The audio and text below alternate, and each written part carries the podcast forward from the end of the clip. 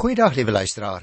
Ons is nou al 'n hele rukkie besig met die boekie Esra en vandag is ons by 'n baie interessante afdeling. Want miskien as jy gereeld luister, ek hoop so te snakies, as jy gereeld luister, sal jy onthou dat ek vir jou gesê het 'n mens kan die kort boekie Esra wat net 10 hoofstukke het, indeel in twee hoofafdelings. Die eerste afdeling het gehandel van hoofstuk 1 af natuurlik tot aan die einde van hoofstuk 6. En dit het begin As jy wil terugblaai in die Bybel, sal jy dit baie mooi kan sien met die opdrag van 'n Persiese koning met die naam van Kores. En dit het toe meegebring dat daar 'n hele klomp van die uh, Judeërs wat op daardie stadium ballinge was in Babel, kon terugkeer onder die leiding van 'n man met die naam van Artasasta. En nou tot tot op hierdie stadium en ons is vandag by die 7de hoofstuk, het ons nog nooit die naam Esra teëgekom nie. En dit is nogal Esra se naam wat in hierdie kort boekie gegee is. En daarom sê ek dit is 'n interessante afdeling wat ons vandag gaan behandel. Want by Hosea 7, die eerste vers begin eintlik weer so 'n gedeelte wat ook geïnisieer word deur 'n nuwe Persiese koning op hierdie stadium met die naam van Artasasta. Hy vaardig naamlik ook 'n bevel uit. En dan in hierdie 7de hoofstuk ontmoet ons eers vir die heel eerste keer in die boek Esdra die man wie se naam aan die boek gegee is, naamlik die man Esra. So voordat ek Hosea 7 en 8 met jou behandel, wil ek eers vir jou bietjie sommer net so agtergrond vertel van hierdie interessante man Esra. Wie hy sy toewyding aan God en aan die Here se wet het byna legendaries geword in geskiedenis as ek dit so gewoon mag uitdruk. Hy het buitengewone ywer aan die dag gelê en probeer om sy mense so ver te kry om met hulle hele lewe aan die Here se wet gehoorsaam te wees. Esra was natuurlik uit die priesterlike geslag van Aaron afkomstig. Hy het die woord van God as 'n skrifgeleerde baie deeglik bestudeer en hom daarop toegelê om self die dinge wat in die woord staan uit te lewe. En dit maak hom jy so merkwaardig hoor, want jy en ek is ook dag vir dag met die woord van die Here besig en ons laat nie altyd toe dat die Here se woord met ons besig raak nie. En Esra was regtig iemand wat groot erns met seker van die Ou Testamentiese geskrifte wat op daardie stadium al op uh, skrif was te maak, maar om dit ook uit te lewe. Hy was soos iemand vir wie Bybelkennis nie net kopkennis was nie, maar hy het geleef uit die kennis van die woord van die Here. Hy was iemand wat vasbeslote was om ander omtrent die woord van God in te lig en hulle ook te inspireer om ook daarvolgens te lewe. En dis nog 'n belangrike aspek wat ek dan raak lees in sy lewe nie waar nie. Dat jy en ek ook daaruit kan leer dat ons nie net moet kennis inneem nie, maar dat ons juis vanuit ons kennis van die Here se woord ander mense moet inspireer om ook volgens die riglyne van die Here se woord te lewe elke oomblik van elke dag. As ek 'n voorbeeld mag noem, liewe luisteraar, net soos Josef, het Esra in 'n baie sterk vertrouensposisie aan die hof van 'n vreemde koning gestaan. Die Persiese koning naamlik het vir Esra 'n brief gegee waarin hy hom opdrag gegee het om na die godsdienstonderrig van sy eie mense in Jerusalem te gaan omsien. Hy het die brief aan uh, Esra op bepaalde gesag gegee want jy sien ons moet baie goed verstaan. As 'n mens vandag is dit nog so 'n brief of 'n dokument van die koning of die president in jou sak dra dan het jy bepaalde gesag teenoor die mense met wie jy wil gaan praat nie waar nie Nou dis ongeveer so 80 jaar na die bou van die nuwe tempel wat sal jy nog onthou onder aanvoering van Serubabel en Esra met sowat 2000 mans en hulle families na Jerusalem toe teruggekeer het. Met ander woorde, dit beteken eers was die uh, groot klomp mense wat teruggekom het onder uh, Sesbasar. Hulle het die tempel voltooi. Ons is nou lank na die tempel en nou kom daar weer 'n nuwe klomp mense 80 jaar daarna eers omtrent onder leiding van Esra na Jerusalem toe om ook nou weer te help met sekere bouwerk. Esdra se prioriteit was gehoorsaamheid aan die wet van God. En daarom huiwer hy ook nie om werk te maak van die dinge wat verkeerd is in Jerusalem nie. Die mense was naamlik op daardie stadium alweer heeltemal ongehoorsaam aan die wet van God en het selfs met heidense vroue getrou.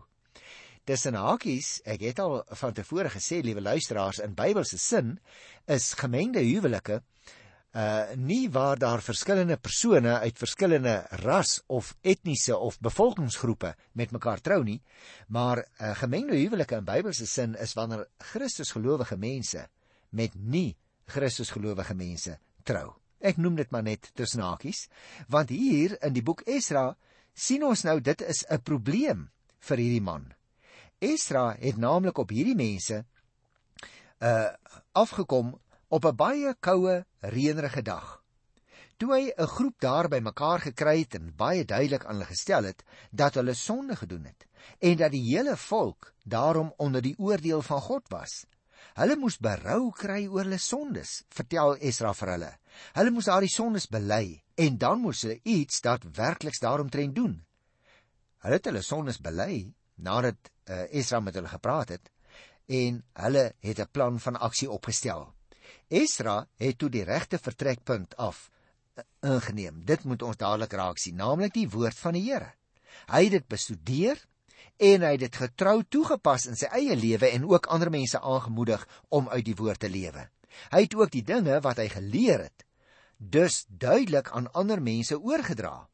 Hy is 'n navolgingswaardige voorbeeld hoor van iemand wat die Here in die middelpunt van sy lewe gestel het en deur gehoorsaam te wees aan sy woord met ander woorde sy hele lewe rondom sy verhouding met God ingekleed. Nou dit is die man wat ons hier op die verhoog van die geskiedenis aantref. As ek vir jou kort oorsig moet gee van hierdie afdeling van Hosea 7 vers 1 af tot die einde van Hosea 10, dan sou ek sê sien eersins duidelik raak, dit is die tweede deel van die boek Esra. En dit gaan uit, soos ek net nou gesê het, van 'n opdrag wat koning Ahasveros van Persië gegee het dat daar omgesien moet word na die geloofsgemeenskap van die Jode in Jerusalem destyds. Hierin het die wet van die Here in al Esdra se optredes 'n baie baie belangrike rol gespeel. Byvoorbeeld, net soos by die tempelinwyding, daar met 'n fees en 'n wydingsdiens geëindig is, eindig hierdie gebeure uiteindelik ook met 'n wydingsdiens, wanneer die gemeenskap hulle self opnuut met 'n plegtige eed aan die Here toewy. En so natuurlik is die godsdienstige basis vir 'n herstelde Judeese gemeenskap gelê. Esdra se opdrag naamlik stem in baie opsigte ooreen met die dekreet wat koning Kores destyds al uitgevaardig het toe die eerste mense kon begin terugkom. Uh, en daardie eed, ek sal jou onthou wat ek vir jou vertel, is uitgevaardig in die jaar 539 voor Christus.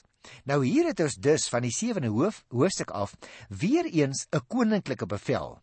Welwillendheid met ander woorde van 'n Persiese koning en selfs ook finansiële ondersteuning vir die uitvoering van die bevel. Die opdrag is weer eens gerig op die geloofsgemeenskap in Jerusalem. Nou, as 'n mens nou kyk na die geskiedkundige situasie van hierdie opset, dan is dit belangrik want ons moet onthou koning Artasasta van wie ons hier lees, het in die jaar 465 voor Christus op die troon gekom en Esra het in die jaar 458 voor Christus na Jerusalem toe teruggekeer. Esra word voorgestel as die direkte nasaat van die eerste hoëpriester Aaron. Nou moet ons onthou luisteraar, omdat daar nie in die ballingskap 'n tempel was nie, was die priesterdiens en die bestudering van die wet vir die mense in ballingskap baie belangrik. Hy het sy hele lewe aan die bestudering van die wet van die Here gewy, hierdie man Esra, en hy was dus bekend op hierdie stadium van sy lewe as 'n uitnemende kenner van die wet. Hy was daarop ingestel om mense in die wet te onderrig, om hulle te leer hoe om volgens die wet van die Here elke dag te lewe. amper soos ons probeer doen hier in ons program, die Bybel vir vandag. Nou wil ek graag dat ons 'n paar versies lees hier van die eerste uh, vers van Hosea 7 af, sodat ons beter kan verstaan wat Artasasta se opdrag ook presies was. Kom ek lees. Dit was na hierdie gebeurtenisse en in die regeringstyd van koning Artasasta van Persië dat Esdra op die toneel gekom het. Hy was die seun van Saraja en sy afstamming is teruggevoer oor Asaria uiteindelik tot by die hoë priester Aaron. Hierdie Esra het uit Babel gekom en hy was 'n geleerde man. kundig in die wet van Moses en deur die Here, die God van Israel, gegee is aan die volk. Omdat die Here sy hand oor Esdra gehou het, het die koning alles gegee wat van hom gevra is. Met ander woorde, dit belyk asof die koning hierdie man Esdra in 'n baie groot mate vertrou het. As 'n mens dus na die 6ste vers luister wat ek nou net gelees het, liewe luisteraar, dit wil sê van die Jode af wat nie na Juda toe teruggekeer het nie, maar wat verkies het om in Babel te bly. Dan sien jy nou waar presies pas hierdie man se rol in. Die Joodse gemeenskap in Babel het mettertyd gegroei en natuurlik ook in godsdienstige opsig selfs nougesetter geraak as hulle geloofsgenote in Juda, want Juda het darm nog die oorblysels en die ruïnes van die tempel gehad. Maar hierdie ouens wat in Babel was, het net die geskrewe wet gehad. Dit wil sê 'n afskrif van die wet van Moses.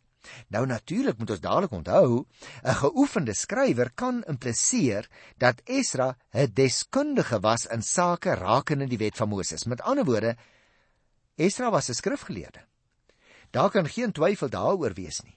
As 'n mens nou uh, na die 7de vers kyk, ek gaan dit nie lees nie, ek gaan weer die geskiedenis vertel, dan sal jy sien die 7de regeringsjaar van koning Artasasta word daar spesifiek gemeld. En ons weet vandag dat dit die jaar 458 voor Christus was. Esra kom dus nie alleen terug na Palestina toe nie, maar hy word vergesel en jy sal dit daar lees as jy die teks deurgaan van vers 7 tot by vers 10.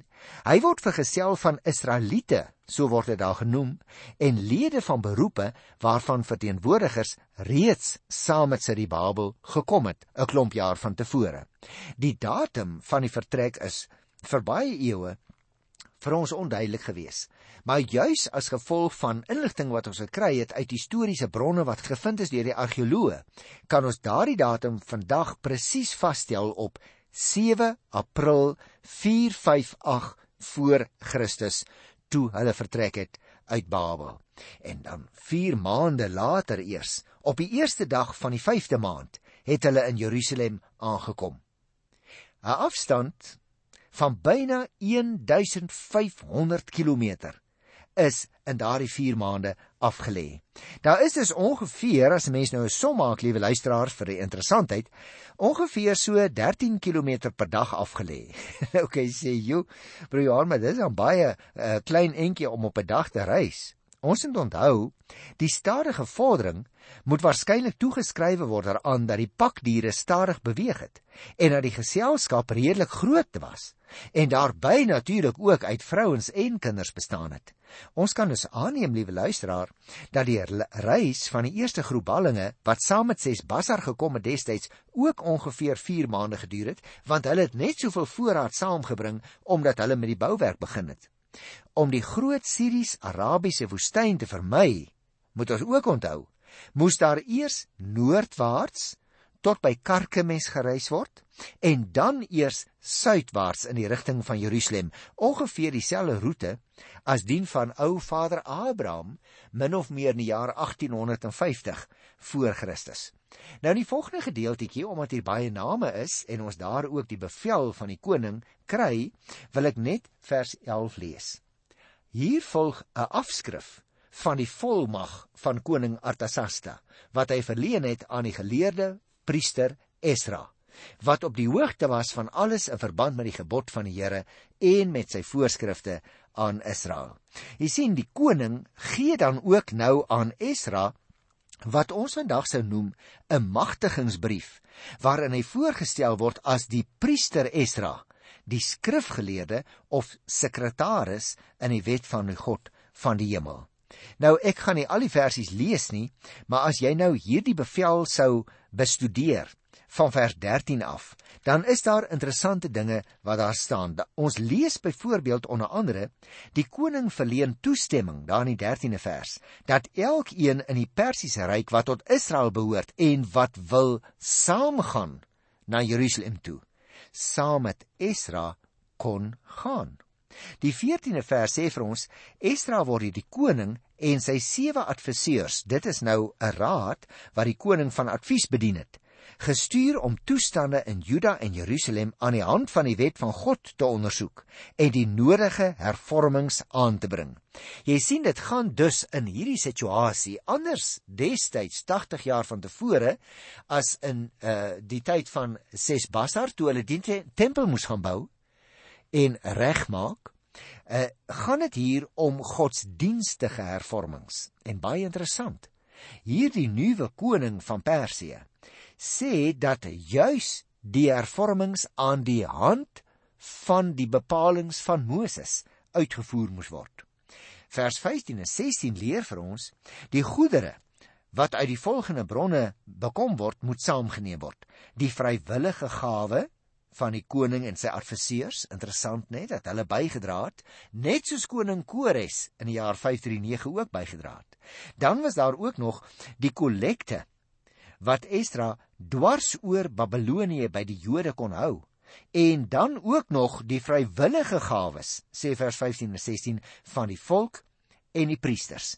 So hierdie koning het 'n baie oop hand gehad en nog 'n groter oop hart wanneer hy vir Esdra laat teruggaan.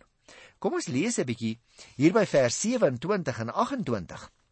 Esdra het toe gesê: "Geloof sy die Here, die God van ons voorvaders."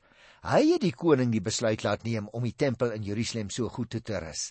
En hy het my die goedgesindheid van die koning, van sy adviseurs en van al sy magtige amptenare laat geniet. Ek was vol moed. Die Here, my God, het sy hand oor my gehou. Ek het toe die leiers onder die Israeliete bymekaar laat kom om saam met my te trek. Hier kry ons dus in vers 27 en 28 Esdra se reaksie en het jy opgelet dit stem baie ooreen met wat ook gebeur het toe Sesbasar destyds kon kom. Hulle is baie bly dat die Persiese konings vir hulle toestemming gee om terug te gaan na hulle land toe. Hulle is baie bly vir die voorraad wat aan hulle geskenk word. Hulle is baie bly oor die geld wat hulle kry, maar Hulle sien dit alles as die genade van die Here. En dan as ons nou by die 8ste hoofstuk kom van die kort boekie Esra, dan sien die opskrif daarvan is die mense wat saam met Esra teruggekeer het. Nou liewe luisteraar, ek gaan vir jou oorsig daarvan gee want ons kry hier 'n vreeslike klomp name en ek wil nie graag net in name verval nie want dit is mos nou vervelig veral oor die radio. Kom ek vertel jou die geskiedenis. Die reis, as jy dit sou gaan lees, sal jy sien, verloop eintlik soos wat jy en ek nou vandag dit sou noem soos 'n kerklike plegtigheid. Dit begin naamlik met 'n vasdag waarop die geselskap hulle voor God verootmoedig en dat hulle ook bid vir die voorspoedige lang reis wat voorlê terug na Jerusalem toe. En dan eindig dit uiteindelik met 'n plegtigheid by die tempel in Jerusalem waar daar offers vir die Here gebring is. Nou ek wil baie graag spesifiek vers 15 lees. Luister. Ek het hulle laat bymekaar kom by die rivier wat by Ahavaba verbyloop. Ons het daar 3 dae gekampeer en ek het vasgestel dat daar priesters onder die mense was, maar ek kon geen leviete vind nie. Nou dis 'n interessante opmerking wat ons hier kry, want Esdra wil vir ons laat verstaan dat hy nou hier halfpad op sy tog terug eintlik 'n bietjie 'n teleurstellende ontdekking maak.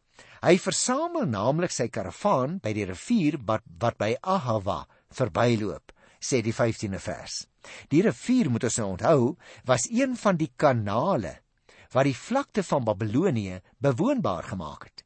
Want beide die Tigris en die Eufraat riviere is baie groot riviere maar uit daardie riviere is daar dan kanale gevorm. Nou ja, in sekere van ons landbougebiede in ons land ken ons dit ook, want dit het dan die water van die rivier af geneem sodat die uh, gelykvlakland, die gebiedland, die vlakteland ook bewerk kon word.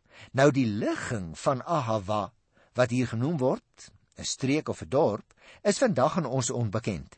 Maar dit kon nie baie ver van Babel af gewees het nie, want dit was 'n waterleiding. Terwyl hulle dus vir 3 dae gekampeer het om die voorbereidings vir die werk te tref, het Esra staan daar geen leviete onder die afwesiges opgemerk nie. Miskien was daar juis in die tempel in Jerusalem 'n behoefte aan leviete, gesien die klein getal slegs 74 wat volgens Josef 2 vers 40 saamgegaan het. Die punt is, Esra moes dus dienaars vir die tempel begin soek. En dan lees 'n mens van die 21ste vers af waar Esra en sy geselskap nou in beweging kom en hulle gaan nou op die laaste gedeelte van die reis. Ek gaan vir jou weer eens die verhaal vertel. Ek wil net vers 21 lees hier in Esra by die 8ste hoofstuk. Ek het daar by die Ahava rivier 'n vasdag uitgeroep om ons voor ons God te verootmoedig en hom te bid om 'n voorspoedige reis vir onsself, ons afhanklikes en alles wat ons besit het te gee. Met ander woorde, liewe luisteraar, Esdra besef nou 'n tweede ding. Hy besef dat ons met die oog op die lange reis ons eers voor die Here moet verootmoedig en dit doen hy dan. As 'n mens so 'n bietjie verder blaai in die hoofstuk en jy lees vers 35, dan kry ons nog inligting. Daar staan: Die mense wat uit die ballingskap teruggekom het, het toe aan die God van Israel brandoffers gebring. 12 bulle vir hele Israel, 96 ramme, 77 lammers en 12 bokke as 'n sondeoffer. Alles was brandoffers aan die Here. Daarom het ek by die begin vir jou gesê hierdie hele onderneming, selfs die reis, word aangepak as 'n godsdienstige beweging. Nou vers 35 gee vir ons interessante inligting wat ek gelees het, né? Die persone wat saam met Esdra teruggekom het, het brandoffers gebring om hulle dankbaarheid teenoor God uit te druk natuurlik. Die getalle in die offerdiere wat daar genoem word in is in 12 of meervoude daarvan gegee vir ons. Indien ons 72 lammers byvoorbeeld in plaas van 77 lammers lees, soos dit moontlik ook kan, dan kan dit so 'n bietjie verander, maar die presiese getal is nie vir ons van soveel belang nie. Hierdeur en ek dink dit is die punt, liewe luisteraar, word weer eens uitgedruk dat die offer vir die nuwe Israel gedoen word. En dan kom ons by die 36ste versie. Daar kry ons nog interessante inligting. Luister. Die opdragte van die koning is aan die gevolmagtige verteenwoordigers van die koning en aan die goewerneurs van Wes-Eufraat oorhandig en hulle het van toe af bystand verleen aan die volk en aan die tempel. Nou dit is vir ons belangrik dat ons dit sal weet want dit sê vir ons hierna het Esra die afskrif van die koning se magtigingsbrief aan die Persiese amptenare daar in Jerusalem gegee en die goewerneurs het dit dan uiteindelik ontvang en hulle het dit gelees. En dan staan daar van toe af het hulle bystand verleen aan die volk en aan die tempel. Nou hoekom is dit belangrik om dit raak te lees? Die rede is, liewe luisteraar, destyds in die jaar 539 toe Sesbasar daardie opdrag van koning Kores ernstig geneem het, was dit met die gesag van Kores wat hy uiteindelik in Jerusalem kon aankom en sê: "Kyk, hier is 'n dokument. Die koning van Persië, wie se onderdaan ons eintlik is, al hou sy daarvan nie, het vir my toestemming gegee om die tempel te kom herbou. En nou kry ons presies 'n soort geval, gelyke geval in uh, die geskiedenis van Esra. Hy kry ook 'n magtigingsbrief van die Persiese koning. En omdat die goewerneur wat in Jerusalem optree, ook die Persiese koning verteenwoordig, want hy self 'n Pers, vat Esra nou presies net soos wat Sesbasar destyds gedoen het.